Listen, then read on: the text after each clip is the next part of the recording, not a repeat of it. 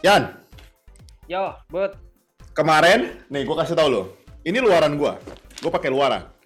Hmm. Karena hari ini gue mau ngomong sama lu dengan lebih frontal, gue nggak pakai luaran. Jadi langsung pakai daleman gue. Nih ya.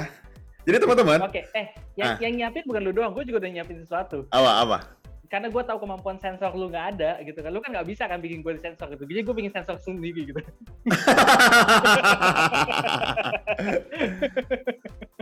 Oke oke. Yan, jadi gini jadi gini. ya, Teman-teman, minggu lalu persis atau episode kemarin kita tuh bahas soal nyokap gua patah tulang, tangannya patah. Kali ini gue pengen bahas soal bobroknya rumah sakit menangani nyokap gue yang tangannya patah. Ya dong, teman-teman mesti tahu. Adrian ini kan seorang eh, apa namanya eh, praktisi kesehatan. Dia dokter di satu rumah sakit dan selain itu juga dia manajer rumah sakit kan. Berarti kan lu yang bertanggung jawab atas segala operasional di rumah sakit. Betul dong? Betul nggak? Itu bener dulu nggak? Jawab dulu dong. Bener nggak? Iya, iya, oke, oke, oke. bener bener kan? Nah teman-teman, lu perlu tahu. Salah satu hal yang jadi ketakutan kita sebagai pasien pasti biaya tentunya. Terlepas kita tahu bahwa BPJS itu tidak memberikan jaminan kesehatan yang menyenangkan gitu ya, antrian banyak dan segala macam, tapi ada faktor-faktor lainnya. Misalnya lu pakai asuransi swasta atau lu bayar sendiri. Nah, jadi gini ceritanya. Nyokap gua kan di apa di di ronsen terus dia bawalah ke rumah besoknya bawa ke rumah sakit terdekat. Gue gak tahu apakah rumah sakit terdekat gue ini lu juga manajernya. Siapa tahu kalau ternyata pakai uh, white manager kan lu bohongi publik kan. Kan gue gak tahu sebenarnya. Jadi, jadi Jadi, jadi gue di mana-mana gitu ya. Nah, makanya rumah sakit ini nge-mark up biayanya. Eh, enggak, enggak, enggak, gue gak bilang gitu. Atau gue gak tau lah. Nah, sebetulnya, jadi gue ke rumah sakit ini, terus kemudian ketemu dokternya, dokternya baca ronsennya, dia bilang, ibu ini tangannya patah nih, dibilang gitu. Eh, ibu mau gimana? Biasalah dia kasih asumsi, nyokap gue kan nggak mau dioperasi, dia bilang operasi sarana terbaik, tapi nyokap gue di gips. Ya udah dikasih plus minusnya, dia kasih biayanya. Dibilang bu, biayanya 16 juta di gips. Kalau ronsen, eh kalau operasi 45 jutaan lah. Gua pikir, oh di gips tuh mahal juga ya. Iya, gue bilang kok mahal dok. Gue tanya, iya soalnya kita ada operasi biaya kamar. Masa ibu mau, eh, ibu mau nih saya tarik tangan langsung sekarang, dia bilang gitu. Nggak di, nggak di bius segala macam sakit loh bu, dia bilang gitu. Oh jangan-jangan ya udah. Karena dokternya menyenangkan, nyokap gua merasa happy lah dengan dokter ini. Tapi nyokap gue bilang, mau mau ke rumah sakit satu lagi deh, gitu. Rumah sakitnya kesukaan nyokap gue. Eh, Buat kita nggak sebut opini nih buat, buat second opinion. Nah, Hmm. di rumah sakit ini ketemu dokter juga cowok dokternya bilang oh ya di gips juga nggak apa-apa gitu Eh, terus eh, besoknya ketika mau penanganan atau besok iya besoknya ya kan kalau di gips mesti cepet ya dalam range seminggu lah dibilang gitu karena mesti supaya belum belum menyambung tulangnya Terus dokter bilang ya udah besok kita ke sana lagi karena waktu nyokap gue ke sana sendiri gue nggak ikut dia sendiri sama adek gue sama bokap gue ada pas gue ke sana yang kedua gue ngeliat dokternya, dokter bilang, gue tanya dok, ini nggak di bius? Ngapain di bius? Lah ini kan hasil ronsennya tangannya kelihatan udah ditarik sama si tante nih, dibilang gitu. Ronsen yang sama, dokter itu beda banget perspektifnya. Yang satu bilang, ibu, ibu mesti dioperasi nih, ibu mesti tangannya mesti di satu lagi bilang, ini kan kelihatan tangannya ditarik nih sama si tante, dibilang ini kan tangannya ditarik, kamu bisa lihat kan tangannya. Terus akhirnya sama dokter cuma ditarik dikit terus digips. Gue tanya dia, ini ini benar-benar nggak perlu dok? Ya enggak, dia bilang kecuali mau dioperasi. Dia bilang gitu. Kalau nggak dioperasi ya enggak kan ini udah ditarik dulu. Saya saya membuat gips supaya tangannya nggak bergerak supaya bisa lebih menyambungkan lebih baik gitu. Satu juta biayanya. Satu juta biaya, satu lagi 16 juta. Eh, yang satu, eh, bo- yang yang satu rumah sakit ini under yayasan, yang satu lagi swasta. Pertanyaan gua ke lu sekarang. Berarti rumah sakit yang mahal ini busuk dong berarti sebenarnya gitu. Atau yang kedua, gue punya pertanyaan. Atau yang kedua, dia sengaja membuat operasi jadi mahal. Dia sengaja membuat banyak biaya-biaya tambahan yang harusnya nggak dilakukan. Gue mau nanya itu sebetulnya. Dan yang ketiga gue mau tanya, lu mesti jawab, berapa margin keuntungan rumah sakit sebetulnya? Bud, bud. Enggak, sekarang gini bud ya. Ah. Pertanyaannya adalah lu kenapa lu nggak ke gue gitu. Kalau lu ke gue, ya nyokap lu kena biaya mungkin cuma satu juta, elunya gue cas 16 juta. Dapat semua gitu loh. Enggak, enggak. Lu lu harus enggak. Jangan mengalihkan isu lah. Enggak mengalihkan isu. Lu masih kasih pendengar kita mesti tahu. Maksud gini, gue yakin pendengar kita banyak yang ngalamin situasi yang sama. Karena adik ipar gue juga sama ya. Dia bilang di rumah sakit A 80 juta, dia emang udah 80 tahun patah. Hmm. Di dia bu- rumah sakit rumah sakit pemerintah lama Hanya- katanya dari apa-apain? Hah? Hmm, Tadi hmm. bilang 80 tahun patah. Enggak, umur 80 tahun patah. Terus dia bawa ke rumah Oh, sakit. jelas Rumah sakit enggak, dia bawa ke rumah sakit pemerintah yang terkenal lah. Rumah sakit itu rumah sakit terkenal sekali, rumah sakit di Jakarta. Hmm. Hanya kena 8 juta. 80 ke 8 juta. Hmm. Maksud gua, Mhm. itu kan aneh ya, Yan. Maksud gua gitu loh. Berarti kan rumah sakit rumah sakit seperti lu ini kan kurang bagus sebetulnya gitu. Harus tahu ya. Ya, ayo. Oke oke. But, eh, tapi tapi sebelumnya gue kasih gambaran dulu ya. Maksudnya Eh. sebelum gue bicara mengenai eh, topik permasalahan utangnya ini kan sebenarnya beda harga, beda pelayanan kan gitu. Tapi gue mau ngejelasin sedikit sedikit aja. Eh. Jadi kemarin itu kan episode sebelumnya mengenai patah tulang nyokap itu kan gue udah bilang kan kalau dokter itu Hmm. ada yang melakukan manuver namanya Iya, iya. ya kan ada operasi jadi eh, opsi pada saat eh, seseorang terjadi patah patah yang posisinya nggak bagus Ya. Hmm. penanganan pertama itu memang paling bagus adalah operasi kenapa dengan operasi itu eh, posisi patahnya dibuka tulangnya terlihat dokternya itu bisa memposisikan kembali atau Iya. reposisi namanya tulangnya itu jadi benar-benar bagus benar-benar lurus Iya. Nah, kemudian setelah itu dipasang eh, semacam pin, Ya. ya, pin pin biasanya dari baja. Nah, itu gimana fungsinya? Biar satu pin itu bisa membantu memperkokoh tulang yang lagi patah, terus yang kedua mempertahankan posisinya bagus setelah itu tutup. Nanti Ya. setelah sekian bulan, setelah tulangnya udah menyatu kembali lagi, dibuka lagi untuk pinnya dicabut, selesai. Itu adalah tindakan operasi. Nah, kalau misalnya tidak dioperasi, masuknya adalah cara manuver Ya. di mana tulang itu dengan buta, buta itu maksudnya kita nggak bisa ngeliat posisi tulangnya karena nggak kita buka gitu. Ya. Jadi kita usahakan gimana caranya berbekal dengan foto ronsen itu kita usahakan gimana caranya kira-kira plek, wah kayaknya tulangnya udah lurus nih kayaknya gitu. Hmm. Nah kemudian setelah itu digips, digips dari luar setelah, setelah beberapa bulan eh, gipsnya akan dilepas dengan asumsi tulangnya sudah menyatu kembali ya. Nah dari cerita gue aja teman-teman pasti juga udah bisa ngebayangin dong kira-kira eh, yang pasti, yang pasti posisinya bagus, ya penyembuhannya lebih baik yang mana, gitu. Hmm. Nah jadi perbedaan, jadi ini namanya bukan kalau di sini ya, ya, bukan standar pelayanan yang berbeda gitu, tapi pilihan terapinya yang ada dengan eh, keuntungan dan kelemahannya masing-masing. Kalau Enggak dong. nggak perlu operasi. Eng- enggak dong, lu lu salah tadi. Dua dokter ini sama-sama menyarankan di gips Yan. Tapi biayanya Iya, satu iya, satu iya. satu enam belas juta, iya kan? Nah, ya maksud maksud gue eh, ini kadang-kadang kan orang juga suka begini kan orang bilang Hmm. gue ke dokter ini kok disuruhnya operasi terus ya operasi dokternya Ya, punya ya. duit nih Iya. Gitu. bener kan Ah, ah, benar, benar. Nah, ini ini maksud gue kenapa ada dokter yang menyarankan buat terapi yang berbeda sebenarnya Hmm. karena setiap terapi itu punya keuntungan dan kelemahannya masing-masing Oke, got it, got it. Maksudnya got it. kalau misal untuk patah itu memang gue mesti eh, setelah dengar cerita gue lu pasti juga udah bisa mempertimbangkan dong kalau misal operasi itu memang jalan yang biasanya diajukan pertama karena itu yang paling baik Paham, hasilnya paham. Gitu. Oke. sekarang yang kedua lu kan bertanya yang satu dokter itu misalnya dia mencas pasiennya sampai kena 16 juta nah Hmm. yang satu lagi cuma cas kena satu juta gue nggak akan bahas ke harga dulu Hmm. gue akan bahas dulu ke yang satu suruh bius yang satu enggak nah, Hmm, hmm, hmm. gitu nah kembali lagi ya Bud ya jadi eh, masalah bius itu sebenarnya lebih kepada masalah in eh, convenience Hmm. kenyamanan bagi si Hmm. pasien dan juga si dokter Hmm. Nah, maksud gue gini, Bud. Contohnya, eh nggak usah jauh-jauh deh. Kita bicara tentang proses menjahit luka. Hmm.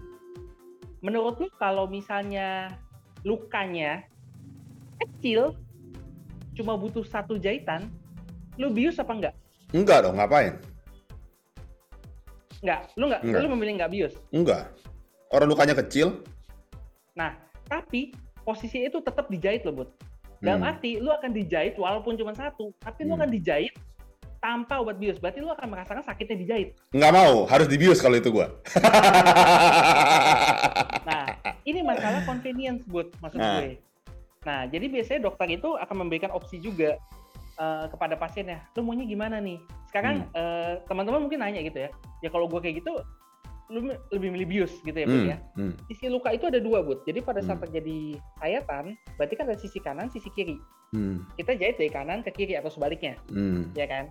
Kalau mau kita bius, eh, biasanya itu akan kita tusuk agak dalam, terus kita tarik ke sini, jadi kita obat biusnya bisa merata ke kanan dan kiri. Hmm. Nah, baru kita jahit.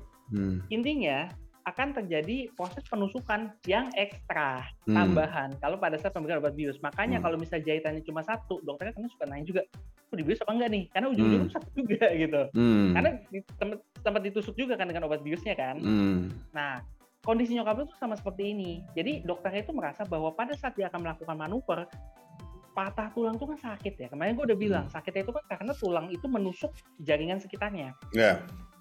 Nah, kalau misalnya nggak dibius dan nyokap lu kesakitan banget, dan ternyata nyokap lu tipikal orang yang nggak tahan sakit, gimana? Hmm. Gitu. Artinya, pada saat mau direposisi, eh, dikembaliin posisinya, itu harus dalam keadaan rileks. Hmm. harus dalam keadaan yang posisinya itu disangga. Ar- Artinya dia mesti mempertahankan posisinya agar kita tarikannya juga enak gitu Ya. ya. Nah kalau misalnya dia ternyata kesakitan narik-narik tangannya, maka otomatis proses reposisi nggak akan bisa. Hmm. I see. Gitu. Nah cuma kembali lagi ke pengalaman dokternya. Ini yang mesti gue catat. Hmm. Jadi ada juga dokter yang memang mungkin sudah terbiasa melakukan prosedur itu, biarpun pasiennya nggak kooperatif, kesakitan, mungkin dia bisa melakukan dengan cepat. Hmm. Artinya pasiennya jadi nggak perlu di anestesi. Hmm. Nah, berarti clear ya Bud ya. Jadi antara pasien yang mesti dibius atau enggak itu preferensi tergantung, tergantung dari dokternya, tergantung dari pasiennya. Berarti dokter yang minta bius nih nggak jago nih berarti nih.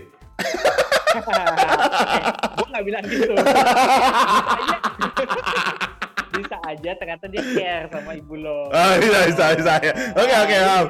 Enggak, gue ini kan menyuarakan perasaan-perasaan orang-orang di sekitar kita sebetulnya. Gue yakin awam ini kayak gue semua rasanya. Oke ya? Oke, nah sekarang kita masuk ke tarif nih Bud. Ah. Jujur ya Bud ya, kalau misal masalah tarif itu eh, perbedaan agak, gue nggak bisa menjelaskan sebegitunya, sebegitu detailnya. Kenapa? Karena nggak ada detail pembayarannya, Hmm. karena nggak detail harganya, Hmm, Oke. gitu. Jadi misalnya nih, contohnya, lu bilang harganya 16 juta, 16 Hmm. juta itu kan pasti udah ada sewa ruangan. Iya, betul. Mungkin dia menggunakan jasa dokter anestesi yang lain. Hmm. Ya. Sewa ruangan tuh besar loh. Itu harga sewa ruangan sendiri aja bisa jutaan. I see. Sebagai contoh ya, Hmm. jasa dokter anestesi mungkin cuma ratusan ribu. gitu. Nah, jasa dokter eh, ortopedinya juga mungkin hanya ratusan ribu mungkin. Hmm.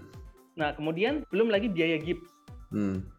bahan gipsnya seperti apa. Hmm. Lalu kalau misalnya dia setelah di anestesi, kita gue nggak tahu ya, tapi di bayangan gue sih anestesinya pasti general, ditidurin Hmm. pasiennya. Hmm. Artinya ada kemungkinan dia perlu kamar perawatan, Hmm. bukan kamar operasi doang. Jadi kamar perawatan juga itu akan dicas lagi. Hmm. Jadi itu akan menjadi dampaknya tinggi ke harganya. Nah, kalau misal pasien eh, dokter yang kedua dia ngecas cuma satu juta. Hmm. Nah, satu juta itu bisa aja cuman harga bahan gipsnya, Iya. harga jasa dokternya, sama harga administrasi rumah sakitnya. Hmm. Nah, jadi kalau misal lu bandingin 16 juta sama satu juta sebenarnya nggak apple to apple. Hmm. Karena beda tindakannya kan? Karena beda tindakannya. Tapi gue nggak mungkirin ya Bud ya, bahwa setiap rumah sakit itu dia punya eh, perhitungan harganya sendiri. Hmm. Dalam arti misal gini Bud, eh ah melahirkan. Nah Hmm, ini paling hmm. gampang nih. Iya. melahirkan normal di bidan, Hmm. melahirkan normal di klinik, melahirkan Hmm. normal di rumah sakit yang tipe C, tipe B, tipe A, harganya pasti beda. Iya, iya, iya.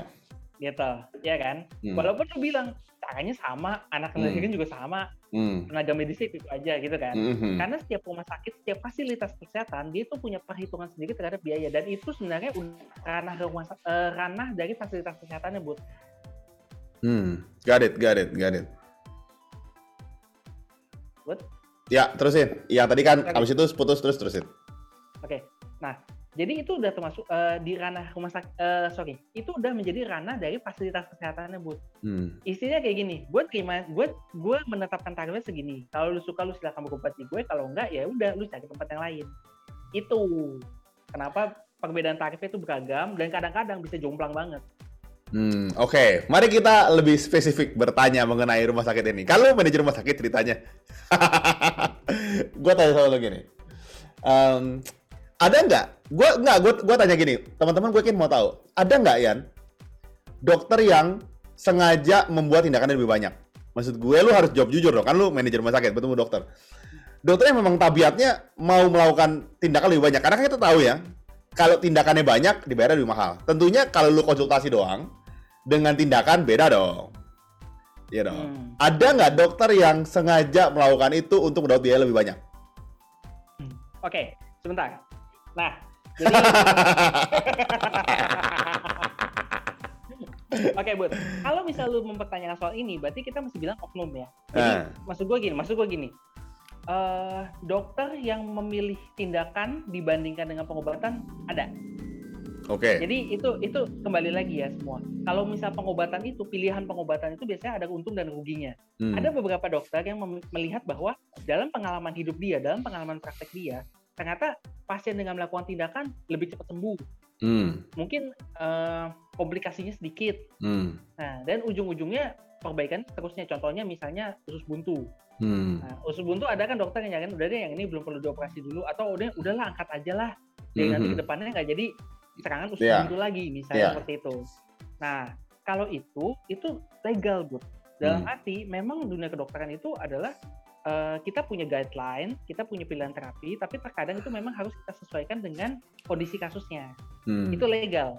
Nah, Iya. tapi kalau pertanyaan lu, di mana dokter itu misalnya melakukan tindakan operasi untuk mendapatkan keuntungan pribadi, ada. Misalnya dia meresepkan obat banyak Hmm. untuk mendapatkan keuntungan pribadi lagi, ya itu juga ada. Eh sebentar, gua gua tekankan, ini Ah. oknum. gua gua stop dulu. Memang kalau dia meresepkan obat banyak dia dapat keuntungan? Kan enggak ya? Kan untungnya masuk ke rumah sakit ya. Misalnya dia resepin obat, kan bukan dia dapat untung dong. Misal, ya itu bisa jadi misalnya kerjasama Hmm. dengan eh, produk farmasinya, Oh, I see. gitu. Nah itu itu udah deal deal kontrak di luar perjanjian Rumah sakit. sakitnya. Iya, gitu. Hmm. Oke oke oke oke. Gue mau nanya yang lebih spesifik lagi sekarang. Yan, jadi kan gini. Eh, gue ngobrol soal kasus inilah sama teman gue, ya dokter juga. Sekarang dia kerja di eh, institusi internasional kesehatan. Intinya kayak semacam WHO. Ini intinya gitulah. Dia kerja di WHO, bagian kesehatan, manajemen something. Nah, dia sempat kerja di beberapa rumah sakit. kesehatan, Bud. Benar, World Health Organization. Ekonomi. Aneh. Benar, kalian dengerin gue dulu, lu yang mengalihkan isu dong ini, ini gak bisa. Jadi gini, jadi gini. Teman gue kerja, dia kerja sebelumnya kerja di beberapa rumah sakit, pernah kerja di rumah sakit swasta. Lu kan di swasta rumah sakitnya. Hmm. Pernah kerja di rumah sakit yang under yayasan. Kita tahu ya beberapa rumah sakit itu ada under, mungkin ada tempat ibadah, under agama tertentu, under gereja tertentu bisa. Eh, eh, bisa satu lagi un- eh, rumah sakit pemerintah Hmm. dan tidak dipungkiri gitu ya. Em, gua sih tidak, gua sih mungkin jarang kayak lu lah. Setiap hari ke rumah sakit jarang ke rumah sakit, tapi gua nggak pungkiri rumah sakit yang swasta lebih matre betul. Sebut aja harga lebih mahal, tindakan mungkin lebih banyak. Nggak, gua nggak tahu. Tapi be- bener nggak? Asumsi gua bener nggak? Oke. itu itu pertanyaan lu. Ya itu tanyaan gua. Bud. Oke. Ini, jadi pertama ya, Eh, lu mesti tahu kalau rumah sakit itu dia kan punya biaya operasi, operasional, Iya, operasi, iya. operasional, ya, gitu. Nah, biaya operasional itu akan menentukan biaya rumah sakit itu ke depannya, ya, gitu Paham. ya. Swasta kebanyakan ya udah pasti lah ya. Sebenarnya sih sebenarnya semua bisnis rumah sakit itu pasti udah mencari profit lah. Zaman sekarang tuh udah pasti cari profit. Cuman ya, sekarang ini kembali kepada dasar operasionalnya berapa biayanya. ya, Nah, swasta itu kebanyakan itu kan memang dia menggunakan eh, cash pribadi ya. Dalam arti misalnya dia punya board eh, board of director misalnya itu juga kan intinya itu adalah suatu yang hmm, something personal untuk mendapatkan keuntungan pribadi ya, gitu. Tapi kalau misalnya yayasan, yayasan itu kan biasanya dia ada dukungan dari eh, dana operasional tambahan dari yayasannya ya, paham. ya kan? Nah, itu dari itu aja, Bud, itu udah bisa menjelaskan kenapa dari rumah sakit swasta pasti lebih mahal daripada yayasan. Karena swasta itu dapat dukungan dana dari mana-mana. Kan tujuannya mengabdi memang. Mengabdi dong. Tapi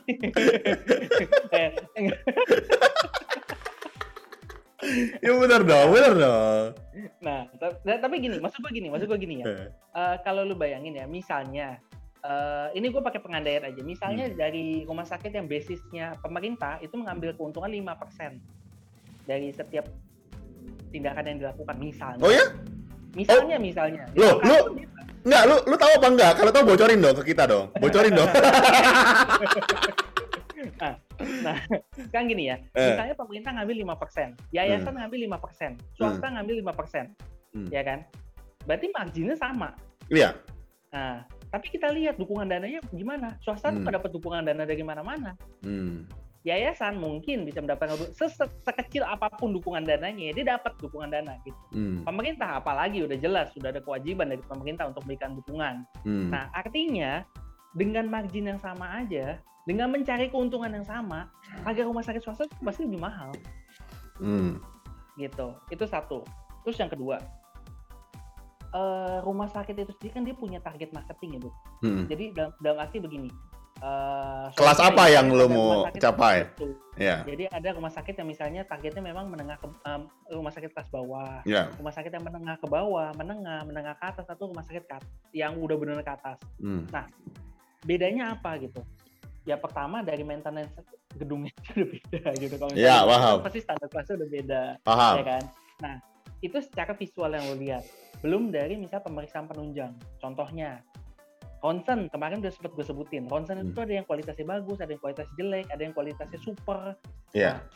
Nah, harganya itu udah pasti beda Hmm. gitu. Itu menyebabkan jadi kesenjangan harganya itu kadang-kadang itu benar-benar jauh banget dilihat sama orang. Gitu. Tapi lu mesti ingat, marginnya belum tentu ternyata rumah sakit itu ngambil keuntungan lebih besar daripada rumah sakit pemerintah. Gua paham. Got it, got it. Gitu. Nah, I terus see. yang kedua, eh, ya gitu. Terus yang kedua nih, Bud. Lu lu nanya, rumah sakit ada nggak yang menganjurkan pas menganjurkan untuk melakukan lebih banyak operasi gitu? Hmm, hmm, ya. Ini ya. Nah, sebenarnya Bud ya. Jadi rumah sakit itu kita punya semacam eh, standar prosedur standar prosedur SOP. Hmm. Nah, yang pasti eh, rumah sakit itu akan memiliki suatu SOP yang eh, sesuai dengan guideline. Hmm. Intinya gini, Bud. Kalau misalnya seorang dokter mau melakukan operasi sesar, Hmm. nah, ternyata operasi sesar itu kan ada indikasinya, Hmm. ya kan? Misalnya eh, jalan lahirnya sempit, Hmm. mungkin dia bekas sesar juga, atau lagi dalam keadaan gawat janin, sehingga Hmm. cepat-cepat dioperasi. Nah, rumah sakit Atau eh tunggu bentar. A- Atau yang ketiga emang kayak gua bapaknya nggak mau repot. Udah udah sesar sesar sesar. Nah, itu juga bisa masuk tuh. Oh ya, Ah. itu itu itu eh, pilihan, pilihan dari pasiennya gitu kan. Nah, teman, jadi lu tahu ya seberapa Ah. bertanggung jawabnya di bapak. Nah, rumah sakit itu punya dokumen legal buat yang menyatakan bahwa kalau mau sesar itu indikasi harus gini gini gini gini gini gini. I see.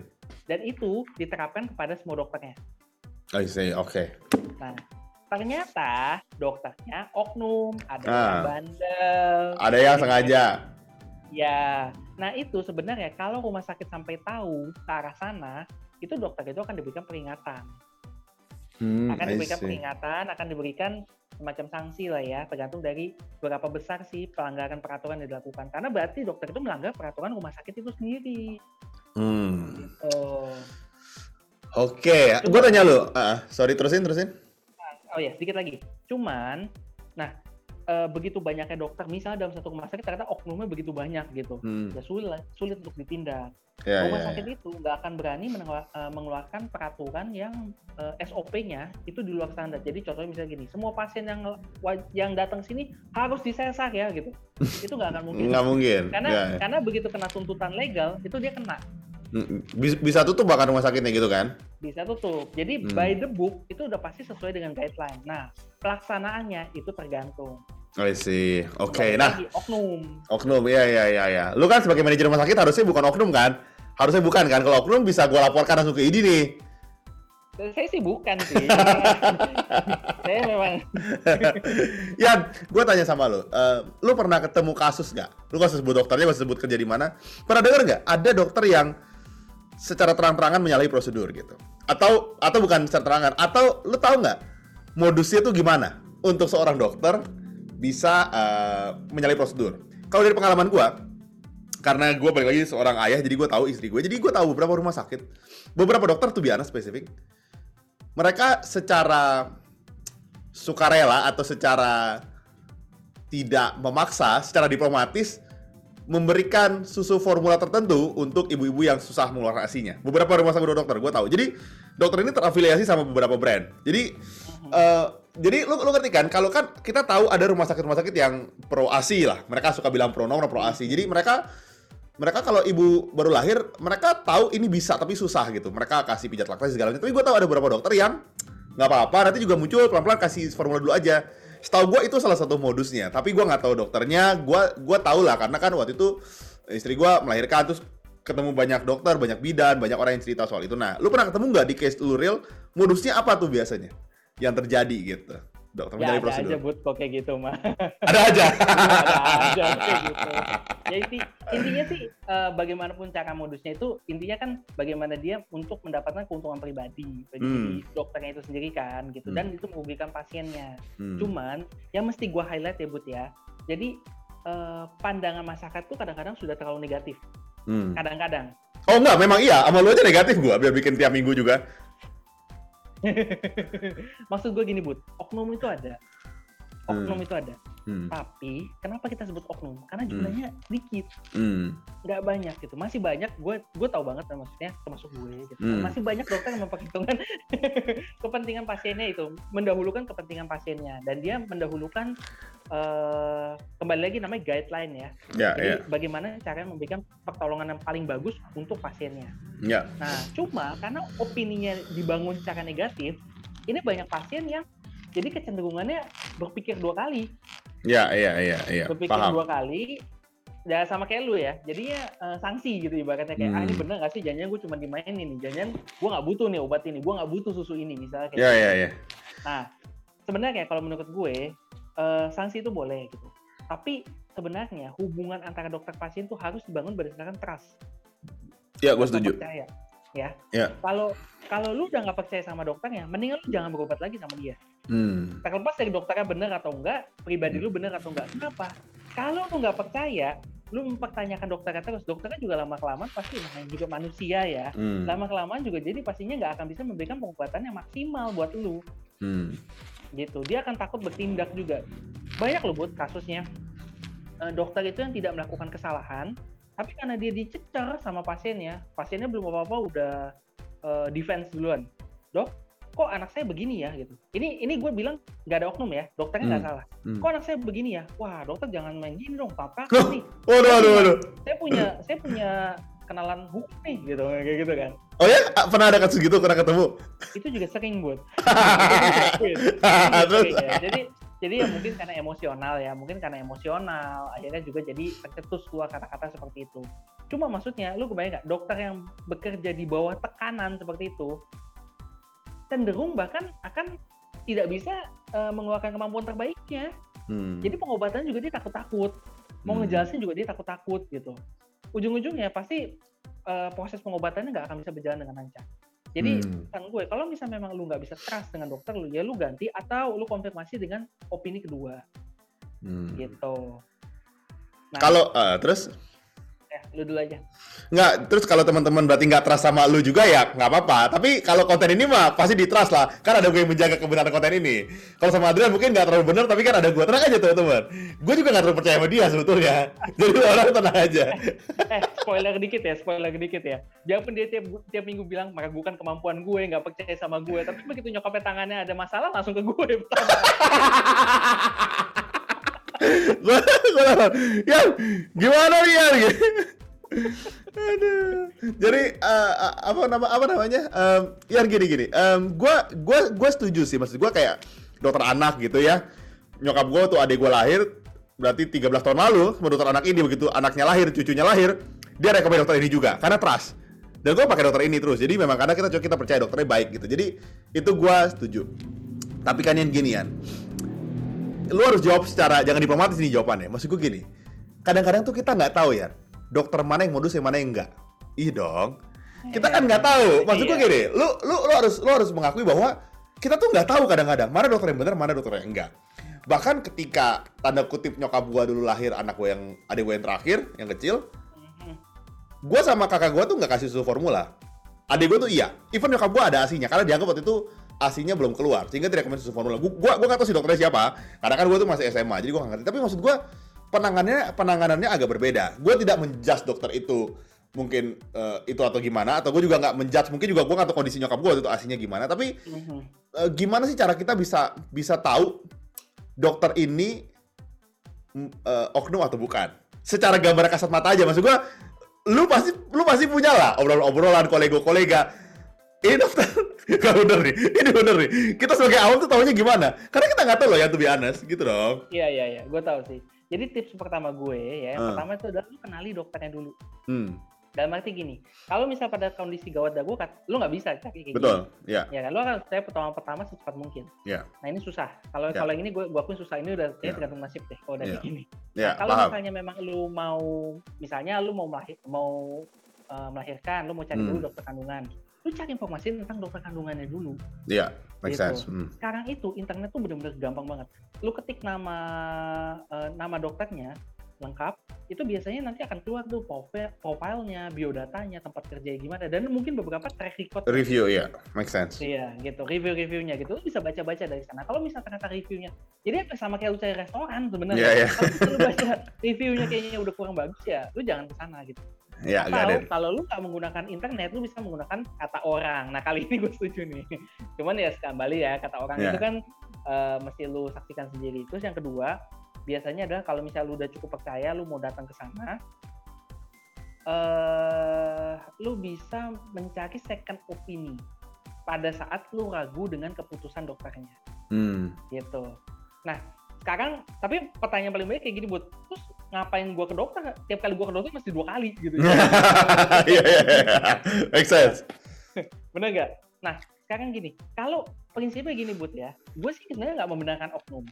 Tapi terkadang, terkadang pasien itu tetap puas dengan pelayanan dokter walaupun dia oknum. bisa juga Contohnya gini, contohnya gini. Eh gue pernah punya kasus di mana pasien itu lebih memilih kembali ke dokter oknum dibandingkan yang bukan. hmm. Kenapa? Karena dengan dokter oknum, dia merasa pengobatannya itu lebih komprehensif, lebih luas, lebih lebih oke, lebih cepat sembuh, biarpun harganya mahal. I see. Padahal kalau dia balik ke dokter yang biasa gitu, pengobatannya sebenarnya sama gitu, lebih sesuai dengan guideline, harganya lebih terjangkau, tapi pasiennya nggak puas hmm. gitu. Nah, kalau kayak gitu mesti disalahin nggak pasiennya atau dokternya? Hmm. ya eh, susah lah kalau gitu Susah kan? Hmm. Nah, jadi intinya gini, pada saat lu merasakan ketidakpuas, ketidakpuasan atau mungkin keraguan, pada saat lu berobat kepada dokternya, padahal dokternya bilang gini gini gini gini gini, dok, kok nggak masuk di akal saya ya? Gitu, Ya, Lu ya, ya. tanya, gitu kan? Lu tanya, minta penjelasan karena edukasi dari pasien dan dokter itu bersifat dua arah. Hmm. Kita udah nggak pakai prinsip zaman dulu lagi, di mana dokter itu adalah yang ngasih arahan, bu, Ya. sakit ya, Ya. nih obatnya minum ya sampai habis ya. Dok, dok saya mau tanya, udah udah ada itu pintu di depan tuh. gitu ada Ya. dokter zaman dulu kayak gitu ya. ya, Mungkin, ya. mungkin bapak-bapak ibu kita mungkin ada yang Ya. ngalamin gitu. Nah, kalau zaman sekarang komunikasinya dua arah. Lu pertanya, lu tanya kepada dokternya, lu sampai lu puas. Kalau misalnya ternyata lu masih nggak puas, masih nggak sesuai dengan pola pikir lu, itulah baru saatnya lu cari second opinion Hmm. I see. gitu. Nah, second opinion juga sebenarnya nggak mesti langsung lu konsultasi dengan dokter lain. Hmm. saat ini kan internet itu kan sebenarnya walaupun banyak menyesatkan, tapi juga sebenarnya banyak informasi yang juga bisa dipetik, diambil dari sana. Ya, ya. banyak situs-situs eh, dokter ya seperti Halo Dok eh, Ya. atau Dokliti yang lain ya, Ya. Netscape gitu. Itu sebenarnya cukup valid dan bisa lu jadikan preferensi. Nah, kalau masih nggak menjawab juga dan memang itu vital penting buat kesehatan lo, lu bisa untuk konsultasi untuk second opini seperti yang dilakukan sama si Budi. Hmm, Nah, I pada saat itu lu tinggal pilih mana yang lebih cocok. Dan mudah-mudahan sih ya, maksud gue informasinya ternyata sama. Gitu. Kalau di cash Hmm. lu kan sama informasinya, cuma beda harga aja kan gitu. ya ya ya ya Em, menarik ya sebetulnya maka dari itu kan kita selalu berusaha untuk ngasih nomor Adrian di sini berkali-kali untuk bisa ngasih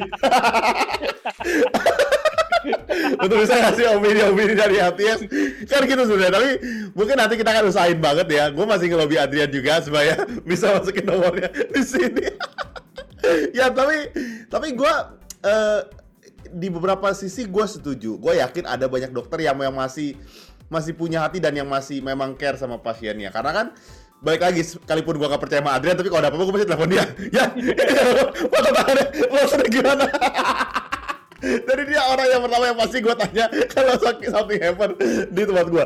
Karena gue yakin banget pasti ada banyak di luar dokter yang memang gue yakin lah kalau teman-teman mungkin kita umur udah 30-an gitu 20 30 kan ada teman-teman kalian yang kuliah kedokteran teman-teman dokter kalian boleh tanya deh gue rasa eh, mereka juga punya rasa care sama pasiennya dan harus gue akui stigma buruk itu menyebar lebih cepat daripada stigma baik. Jadi kalau ada satu dokter buruk dibanding 100 dokter, yang satu itu akan sangat cepat menyebar sekali. Kayak waktu itu kasusnya gini. Uh, gue sebut dokter anak gue, uh, dokter uh, Hendrik siapa gitu, gue lupa dokter anak gue. Ya. Terus gue cerita waktu istri gue hamil. Uh, eh gue mau dokter Hendrik ini nih. Hah? Hendrik ini? Dia pernah uh, operasi anak tiga anak mati sama dia, gitu kan? Gue gue gue langsung searching kan. Namanya dokter Hendrik siapa nih anaknya mati nih? Kan karena gue sering bikin podcast sama lu, gue kan jadi tahu. Kita tuh kan nggak tahu anaknya mati kenapa ya. Maksudnya kita nggak tahu kondisi kondisi bayinya tuh gimana saat itu gitu. Ya. Ketika mati dia menyebar, anaknya meninggal kan dia nggak tahu kondisinya. Jadi gue berusaha untuk berpikir jernih dan gue ke dokter, ke dokter ini karena uh, teman deket gue ke dokter ini dan anaknya lahir dan dokternya baik. Akhirnya kita ke dokter ini baik dokternya kita deket dan akhirnya berjalan dengan baik gitu. Jadi gue setuju stigma buruk itu muncul dengan sangat cepat apalagi menyangkut hal-hal yang berbau kesehatan gitu ya terlepas kita nggak tahu kondisinya apa misalnya eh uh, misalnya amit-amit gue kena cancer dokter eh, ini tiba-tiba mati mungkin dia cancernya udah stadium lanjut terus yang mau emang sudah mau meninggal gitu tapi itu kan yeah. banyak banyak faktor yang terjadi gitu jadi teman-teman uh, gue sih berharap lewat podcast ini pertanyaan gue banyak terjawab lah maksud gue uh, uh, di samping memang rumah sakit tuh punya standar yang beda-beda gitu ya pasti support uh, pemerintah, kemudian yayasan dan uh, swasta memang pasti berbeda. Tentunya pelayanan juga beda. Tentunya target marketnya juga beda. Kelas rumah sakitnya juga beda. Dan um, gua setuju lu mesti cocokin sama kelas lu tuh apa. Kita nggak bilang lu kelas rendah kelas atas ya, tapi kelas orang beda-beda. Mungkin gua berobat di rumah sakit kelas yang sejuta lebih masuk dibandingkan 16 juta gitu menurut gue jadi kan gue pilih rumah sakitnya gitu ya mungkin teman-teman juga beda ada yang kelas-kelas tertentu beda dan berarti nggak ada yang salah dengan second opinion gitu karena uh, bisa aja kita punya keraguan kan kita nggak pernah tahu dan buat Adrian juga bilang tadi untuk cross check lu merasa nggak yakin dokter ini benar atau enggak lu bisa cross check dengan dokter lainnya gitu dan which is oke okay. apalagi hal-hal yang tidak gawat darurat gitu ya lu bisa konsultasi besok atau sehari bisa dua rumah sakit juga which is oke okay, gitu itu aja dari gua dari luar teman nggak ya udah sih buat gua udah malas liat muka lu Iya itu juga. Tapi kan biar males tetap konsultasi sama gue sama Adrian gue. Iya. Dari cara lu nanya ke gue, gue udah tau lah kelas lu macam apa lah. jadi, jadi buat buat teman-teman, uh, semoga podcast kita bisa memberikan apa ya gambaran buat kalian. Sebetulnya tidak cuma pasien yang yang terdesak gitu.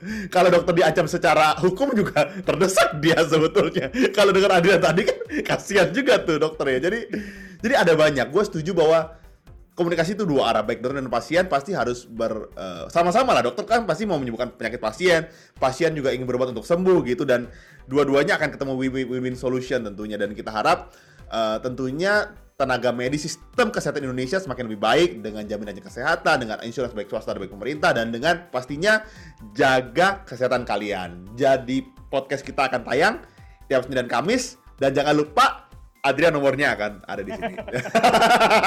stay healthy and stay alive. Bye bye.